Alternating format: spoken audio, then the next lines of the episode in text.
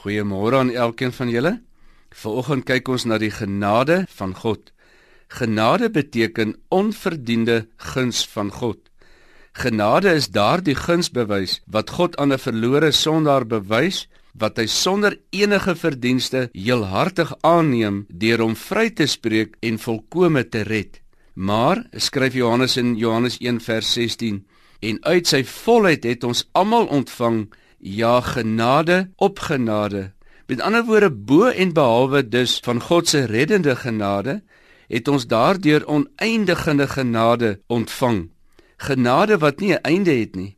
Juis omdat dit dan onverdienstelik is, is dit God se vrye geskenk wat hy aan jou gee.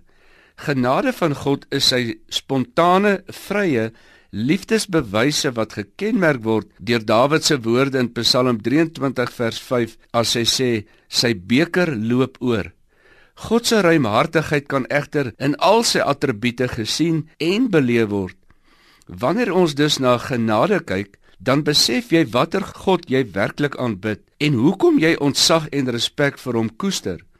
Ons word groot in 'n samelewing waar jy leer om volgens verdienste alles te kry Dikwels hoor jy iemand die opmerking maak dat niks verniet is nie. Daar is 'n pragtige lied wat sê: "Tel jou seëninge een vir een en jy sal verbaas wees van wat God verleen." Wanneer Paulus dan in 1 Korinte 15:10 sê: "Maar deur die genade van God is ek wat ek is," dan is hy oorweldig om te besef in watter staat van vryspraak hy eintlik staan. Waar hy eintlik verdien het om verworpe te moes wees oor dit wat hy gedoen het, het God hom genade bewys. Daar is niks in die lewe wat ons het wat ons werklik verdien nie.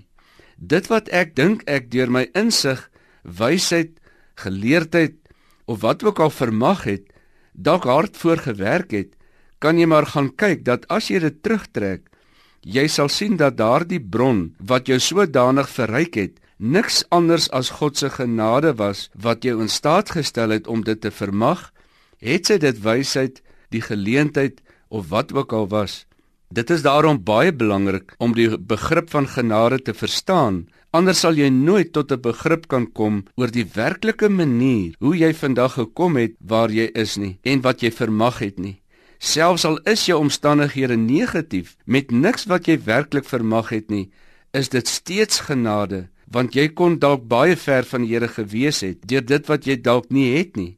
Here, dankie vir u genade. Dankie dat ons is wie ons is, dat ons het wat ons het, alles deur u genade en dat in u ons die volheid het. Amen.